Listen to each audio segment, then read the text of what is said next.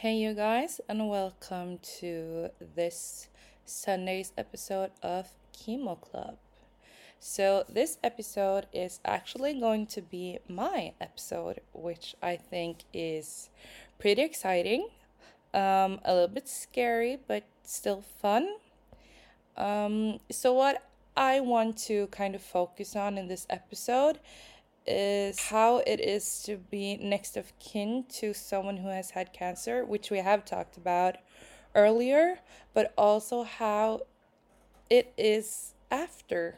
We've had an earlier episode where we talked about this, but I feel like when we do episodes that are one person, like we're doing now, we're kind of opening up our diary, if that makes sense. Um, so now it's a new year. We are in 2024, which feels really weird. Me and Pernille talked about this, um, or Perry as we call her, earlier.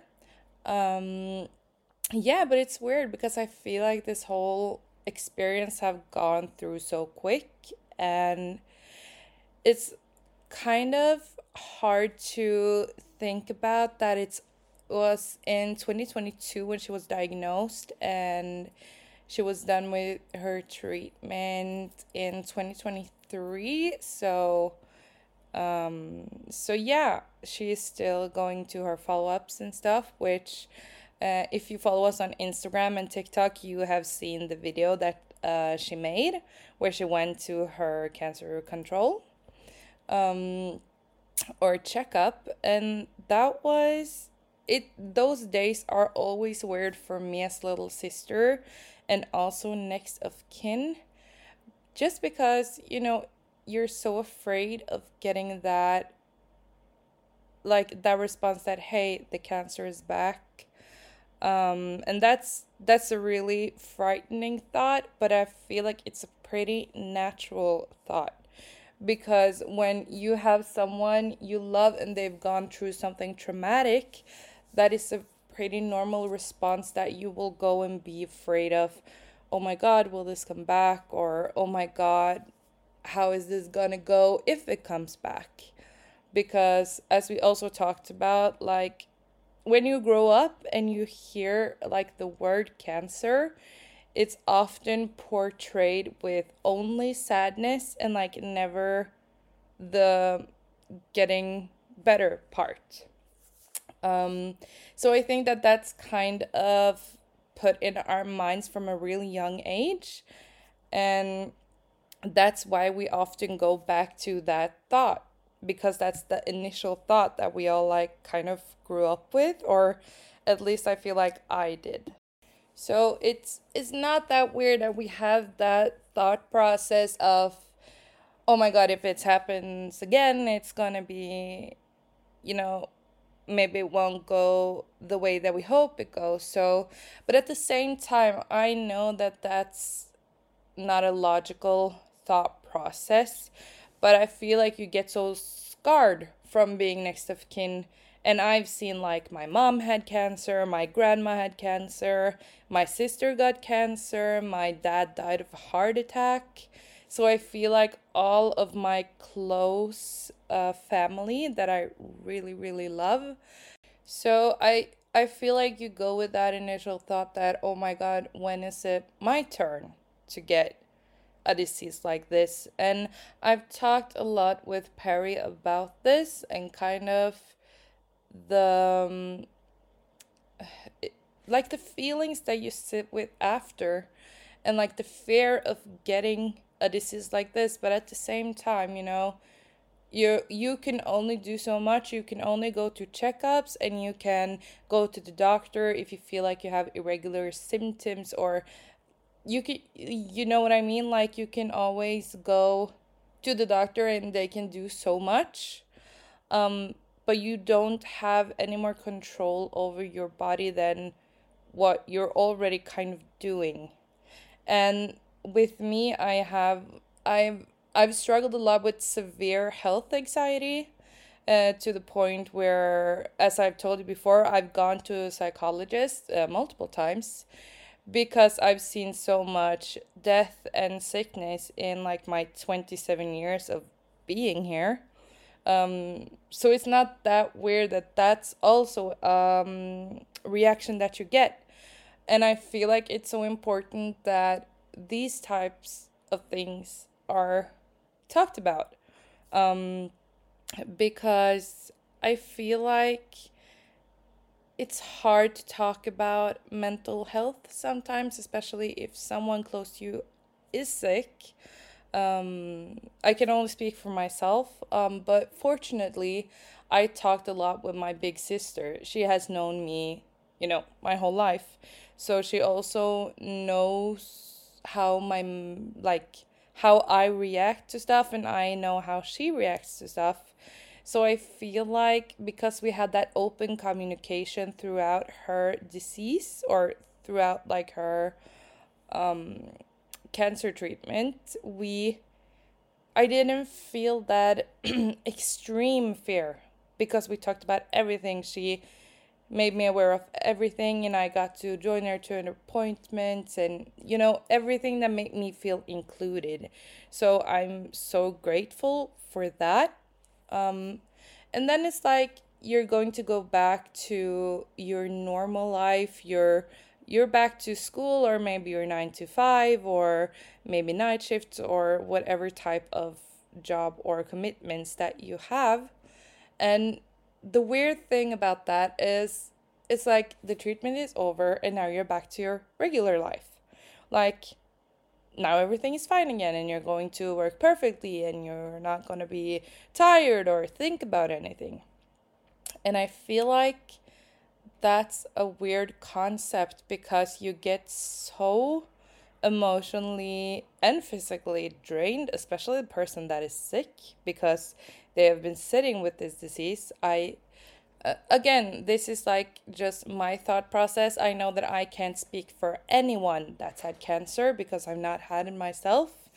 Um, but but it's what I I've seen on my sister that she is drained, and of course it's not weird because she has been through treatment, um, both both radiation and chemotherapy, and now I'm getting emotional. I'm going to try to keep it together, but I've seen the impact that it's had on her, and I don't even have words to say how proud I am of her, how strong she is, and how she really just keeps on pushing. And I'm just so extremely grateful and proud of her for for like everything.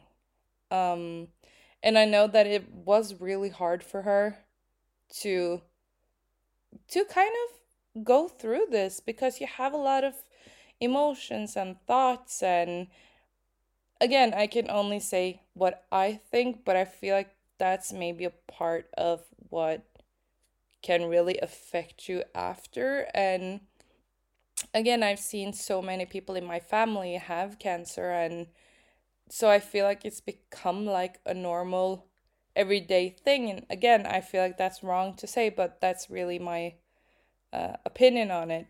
Um and now that it's like gone a year and we're back to you know trying to go through your everyday life with your everyday problems but your everyday problems are so small compared to a disease like cancer.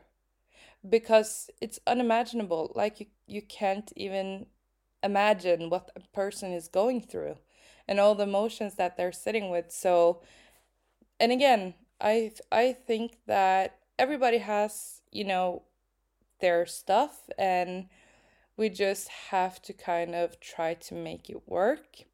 And i feel like that this was a really like long and emotional part and it's good to talk about these things and get it out there because I feel like being the next of kin, you feel very much like a burden because you want to try to help and you don't know if you're actually helping or if you're actually stressing the person like more. And that's like the hard part because you have your feelings and emotions. And we we talked about this in a previous episode too that it's important that you talk with each other and you have an open dialogue because you're humans. You have feelings. So it's it's perfectly normal to get sad angry like whatever you feel it's it's it's totally okay it's a normal reaction to something traumatic and i feel like I have extremely good friends and an amazing partner and a really good family that I love that we all backed each other up. Um, my friends called me, they took care of me um, when I was pretty down uh, because the biggest fear I had was okay, if she dies, what do I do now? how is my life supposed to go on without my best friend? Because me and my sister were really close, as most of you probably already know. Um, so it makes you, you're kind of connected to each other in a way that only like sisters or brothers or, you know, like siblings are. Um, and it's a special connection that I feel like no one can take away from you. Uh, so when you feel like, okay, this is my best friend, if she dies, what do I do? Because I feel like she guides me so much through life, and if I have a really hard time or a problem, I can always go to her and she has an answer for me. And we also are so comfortable with each other like we travel a lot together because we know each other that well that we know if okay you maybe need to uh, relax and then i can go out shop or or like things like that and i know that that's maybe a weird thought but but i was so afraid to lose her at one point that i actually went crying to my physician um she was amazing i i love her uh, this was back when I lived in Oslo. Like, she's amazing. I, I have no other words. Um, and I just came there crying, bawling my ass out. And I, my eyes out, and I, I just, I told her everything. And she was just like, this is a perfectly normal fear. This is a perfectly normal reaction. We can do this, this, and this.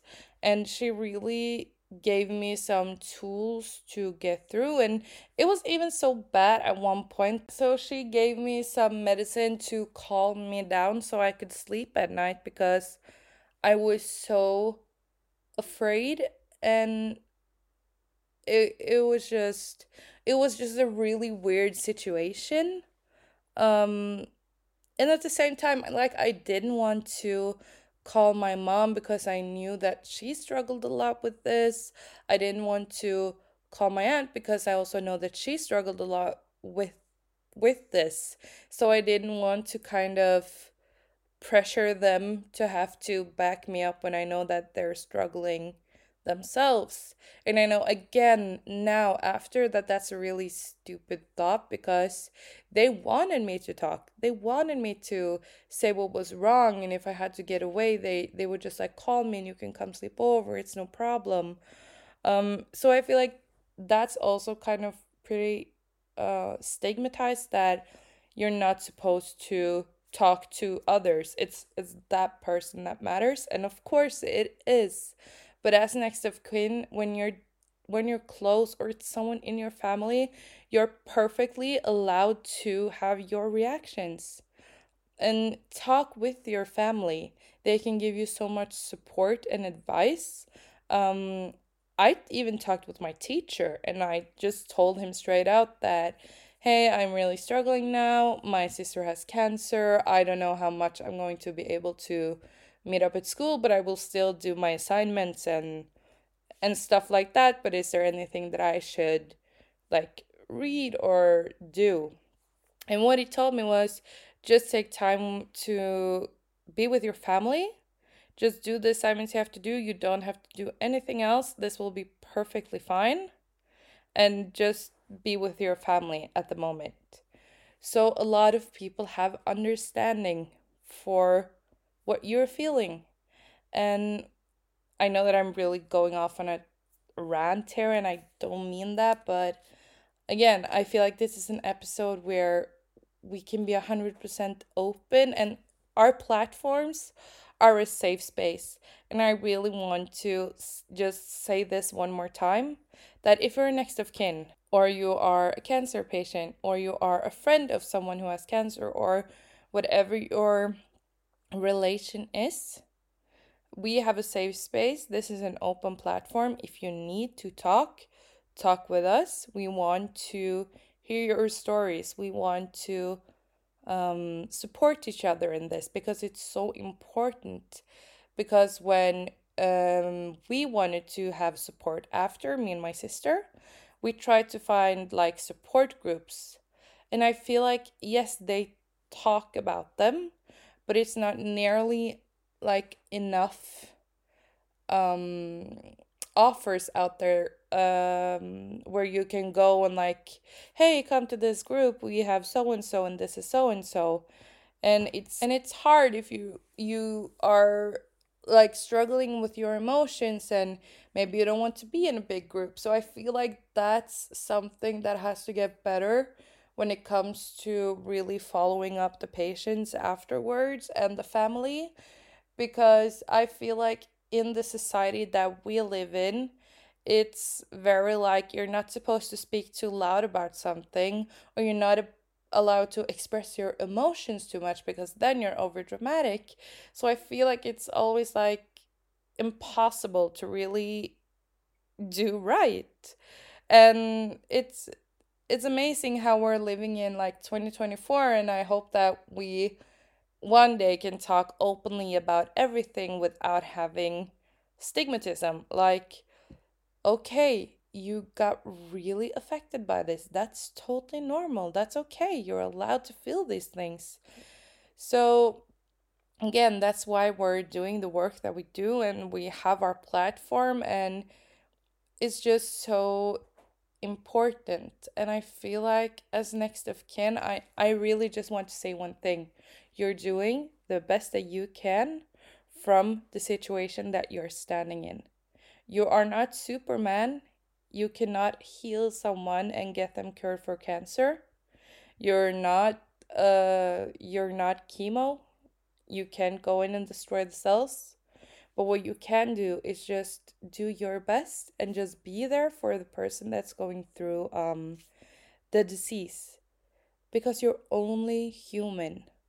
And I feel like like one thing I had a problem with was and I know that this is unrealistic again and I I totally know it but I just want to say that I struggled a lot with blaming myself and I I really don't know why I did that but that was just a really natural reaction like could I have done something? Should I have dragged her to the doctor? Should I have done this and this and this? And like that's the same thing I thought when my dad died. Um, he died suddenly of a heart attack, as we talked about in um, in a previous episode. Um, and all those thoughts came back again because I just I felt so helpless. And again, it's nothing anyone can do because you're not the person that feels the symptoms um, or is having the cancer. So that that was a thought that I had right away. And I know now after that I couldn't have done anything. I'm I I'm just a person. I'm just here and the the only thing that I can do now is continue to support her and be there for her if she needs anything. And I, I really feel like she doesn't give herself enough credit for the amazing work that she does. And I want to give her a little bit of credit um, because she is she's a strong woman and she's tough and I admire her so much. Um, and I love her. She's my big sister. But but yeah, like you can't do anything just be there and give them support and like that's the only thing you can do so i feel like it's important for me to just really say it one more time Um, but this was what I had to say for this episode. It was a lot of rambling, a lot of talking, a lot of feelings, but you know, this is how we like to do our episodes. We're totally open, we're unfiltered, and if there is anything you guys want us to talk about in any episodes, or if you have a story you want to tell or anything, please contact us. You can contact us on Instagram. There we are called Sisters and Squad 2.0. You can also contact us on TikTok. There we are called Sisters and Squad Coaching. And you can also reach us on Facebook, actually. There we just use the name Sisters and Squad. And the last platform is uh, Perry's website, which is www.perrythecoach.com. There we have like this contact form, or you can find our email there. And if you send us anything and you want it to be anonymous, of course, we will keep it anonymous. But if you feel like you have anything you want to share, we want to help you share that. And the only thing that's left for me to say is thank you so much for listening to my long rant. um, but I feel like it it's good to have those kinds of episodes too. And I hope you have a lovely Sunday and and a great weekend. And until next time, have a lovely Sunday, you guys. Goodbye.